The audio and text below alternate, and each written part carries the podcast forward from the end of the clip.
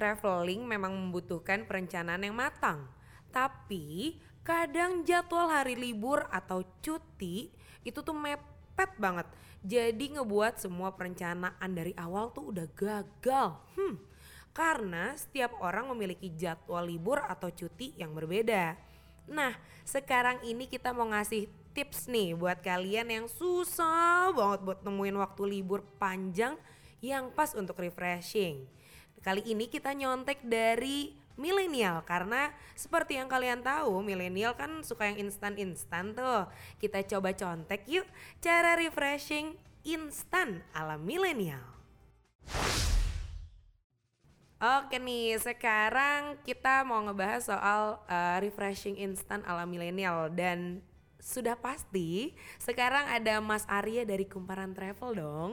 Halo Tina. Gue mau nanya, pernah gak sih lo ngerencanain liburan tapi gagal mulu?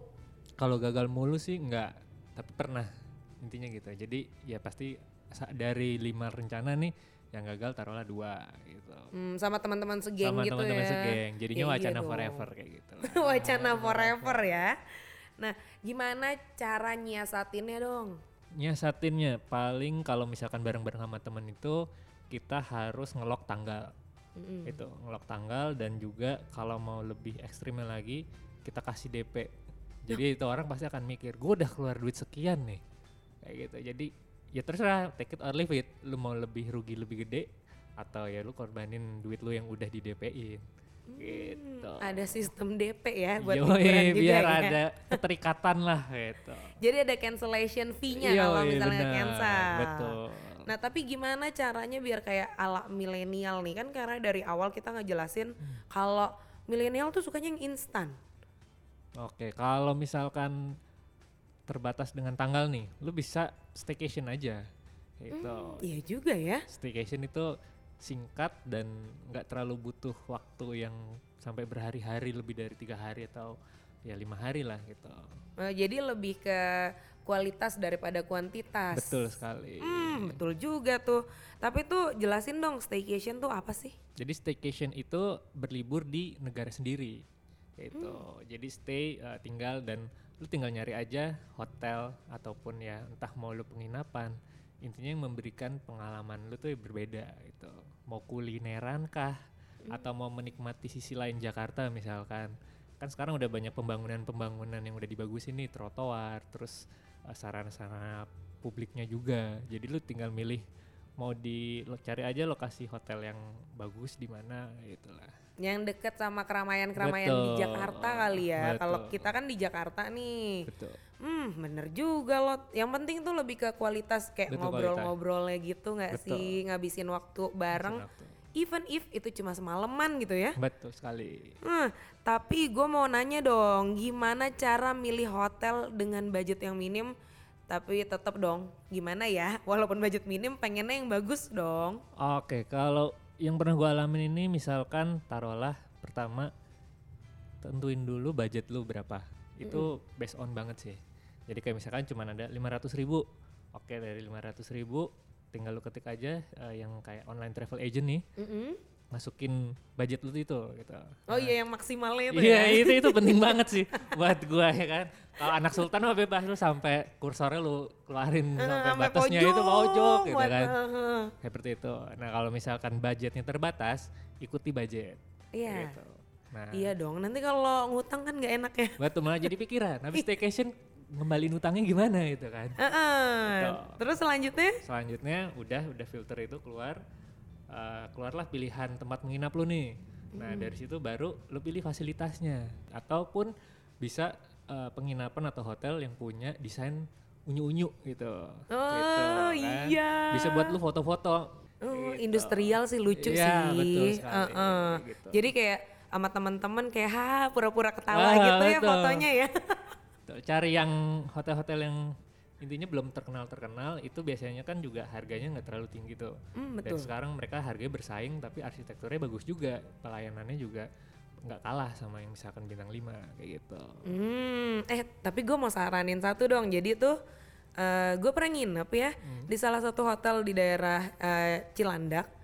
Itu lucu banget sih, ada balkonnya terus ala-ala Bali gitu. Ya pokoknya nanti bisa dicari lah Nah. Bisa ya. dicari di, di- spesifiknya di Cilandak ini. gitu.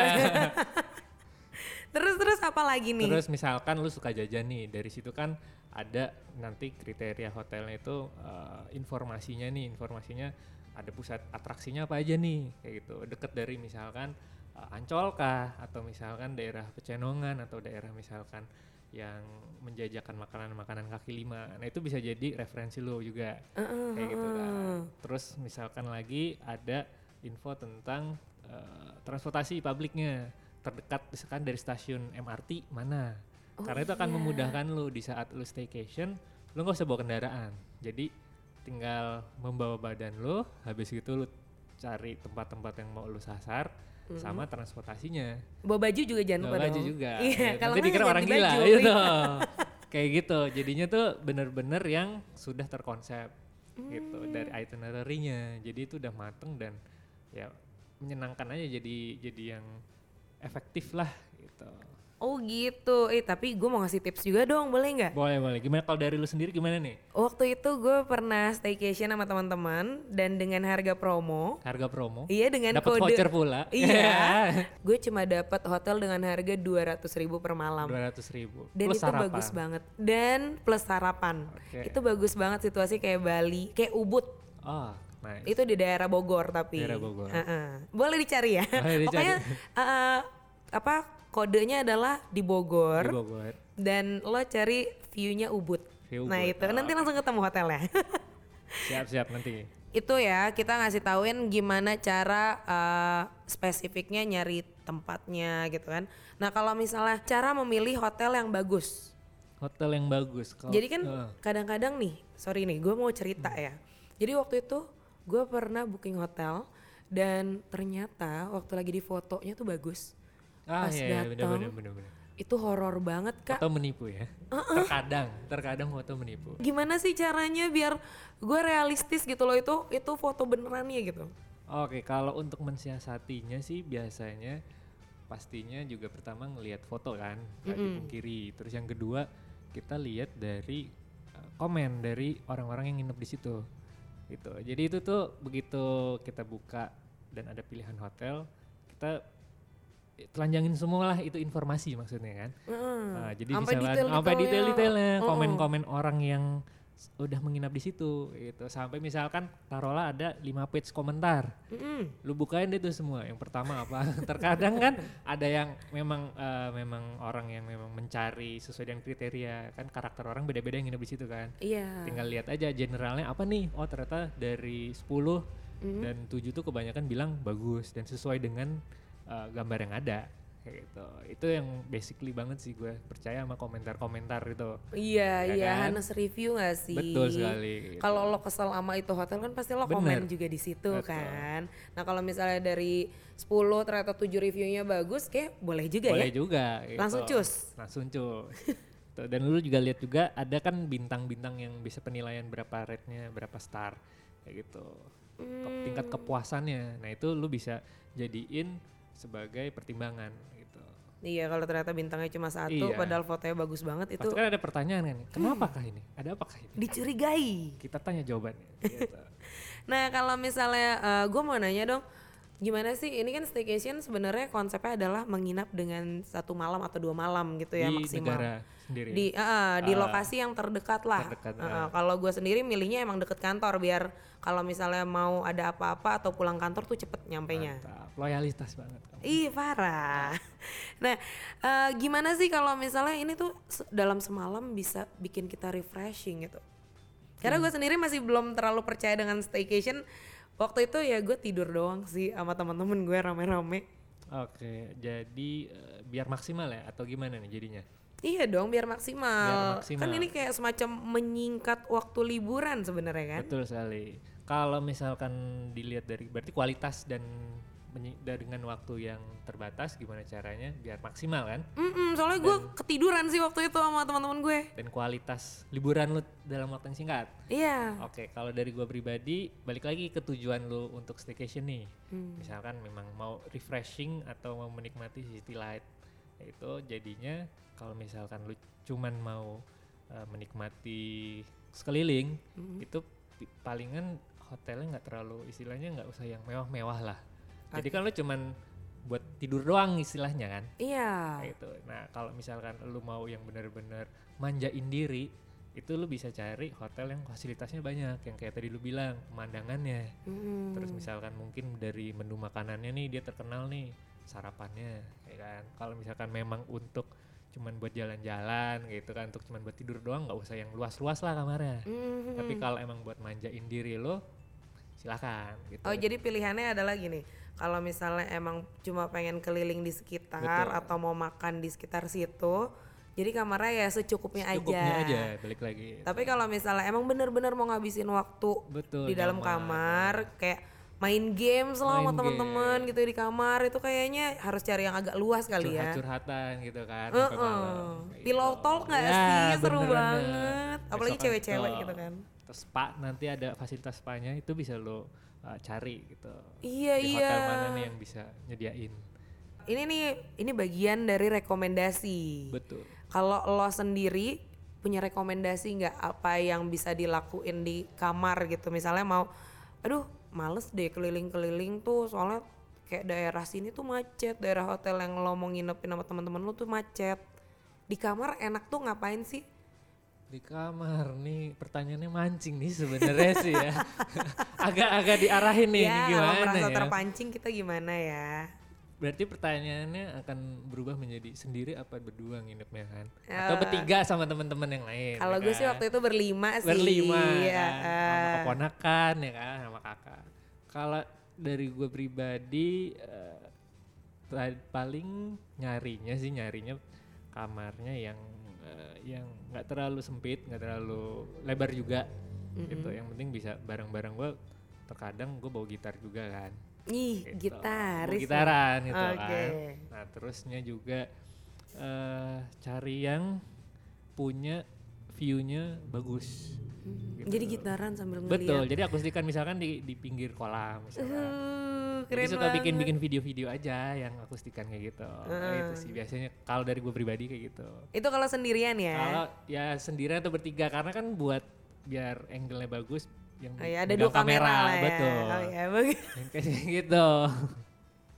bagus juga, bagus, bagus, Ya bagus. kayak gitu. Jadinya bener-bener emang konsep staycation gua udah kita bikin karya sekalian kayak gitu. Jadinya ya udah kita akustikan apa itu. Wow, staycation lo sangat berfaedah ya. Betul. Kalau eh, misalnya gue sih sekarang-sekarang ini ya lagi sering banget ngeliatin tuh di sosial media banyak yang staycation untuk bridal shower Oh, gitu-gitu iya, ya. Betul gitu bisa juga. Buat wece-wece biasanya ya kan. Iya buat cewek-cewek gitu kan kayak kamarnya dihias-hias terus abis itu uh, ya tiup kue dengan bentuk-bentuk tertentu gitu kan.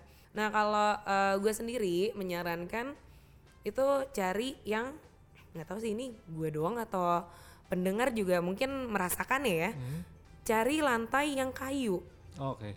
Karena menurut gue antara kayu atau uh, ada karpetnya Karpet, gitu si kamar hotelnya. Biar uh, kalau kita ngumpul cewek-cewek itu ya biasa ngegosip atau Nggak terlalu sambil berisik ya. Ah, oh enggak, ter- bukannya terlalu berisik. Jadi kalau misalnya sambil maskeran gitu-gitu duduk di lantai, Oh, terus kita oke. ngeriung gitu kan daripada di tempat tidur kan muat berapa sih paling maksimal nggak? Oh, gue pikir kayak biar nggak masuk angin jompo gitu lu nya. Hmm, kalau Kalau masuk lantai angin gitu kan dari ubin gitu. Karena orang tua bilang jangan di ubin masuk angin gitu. gue pikir itu enggak dong kak. Oh, baik, baik. Nih kalau gue menyarankan yang kayak gitu sih, Ah. lebih yang kayak Biar coba bisa cari dibawa gitu ya, lebih Iya. akrab. Coba cari kamar yang dengan lantai kayu ataupun lantai karpet biar lebih nyaman uh, even if kamar itu nggak terlalu luas lo masih bisa ke mana kayak ke pojok apa atau ke mana jadi nggak di tempat tidur semua gitu loh gitu kalau saran dari aku Oke, siap. Nah kalau lo sendiri tadi kan udah cerita udah pernah staycation dengan gitar itu Gitar dan teman-teman. Mm-mm, lo udah berapa kali staycation Eh berapa kali ya kalau di kalau dihitung sih nggak inget pastinya udah berapa kali itu. Jadi tapi sering atau jarang eh, bisa dibilang ya tengah-tengah lah itu kayak nggak terlalu sering nggak terlalu ya. sering. Misalkan bisa pun ya gua akan lakukan tapi kalau bisa nggak bisa ya udah mau gimana lagi karena terkadang ya itu tadi gue bilang misalkan gue mau terka ternyata kamarnya full Hmm, gitu. sayang banget. betul Tapi lo ngerasain nggak di mana staycation itu sendiri nge-refresh diri lo? Jadi lo ngerasain nggak manfaat dari staycation itu untuk refreshing? kalau itu ngerasain sih karena kan bener-bener yang jadi misalkan di saat lu udah staycation ya saat itu jangan jangan inget mah jangan inget kantor lah kayak itu jadi Jangan bener-bener inget mantan gitu ya? kantor aja urusan Ah, iya, kantor iya. jadi itu bener-bener yang kayak misalkan WhatsApp ataupun uh, jauhi yang berbau-bau di- bisa dihubungi lah kayak gitu jadi Hmm. bener-bener itu waktu lu me time lu jadinya bener-bener berkualitas gitu Oh itulah, jadi salah satunya tipsnya adalah eh, dimatikan semua iya koneksi keluar ya, ataupun yang bisa masuk ke dalam diri lo. Kayak sebelumnya lu bilangin gitu, lu infoin kalau eh gue nggak bisa diganggu dulu ya, gue minta waktu kayak gitu. Jadi intinya kalau misalkan ada something yang urgent ya oh ya udah gue mesti tim yang lain tuh masih bisa oh gue harus ke sini ke sini jadi nggak bener-bener yang menghilang lu nggak bisa dihubungin apa gimana tetap kita kasih info sih Oh iya, jadi kayak semacam eh, sign dulu gitu ya. Betul. Ini lo kita nggak bisa dihubungin. Betul. Oh bener juga lo me time tuh ya. me time Oke deh, nah akhirnya stres memang harus dihapuskan dengan cara refreshing. Gimana nih, pendengar tertarik nggak untuk refreshing instan ala milenial dengan cara staycation? Yuk, coba ajak di grup chat kalian untuk menentukan waktunya atau sendirian juga boleh. Oke, sekian dulu Tina dan Mas Arya. Sign off dulu. bye Sekian dulu podcast kali ini dan terima kasih telah mendengarkan podcast Cerita Kumparan. Jangan lupa untuk klik kumparan.com atau follow Instagram kita di @kumparan.com.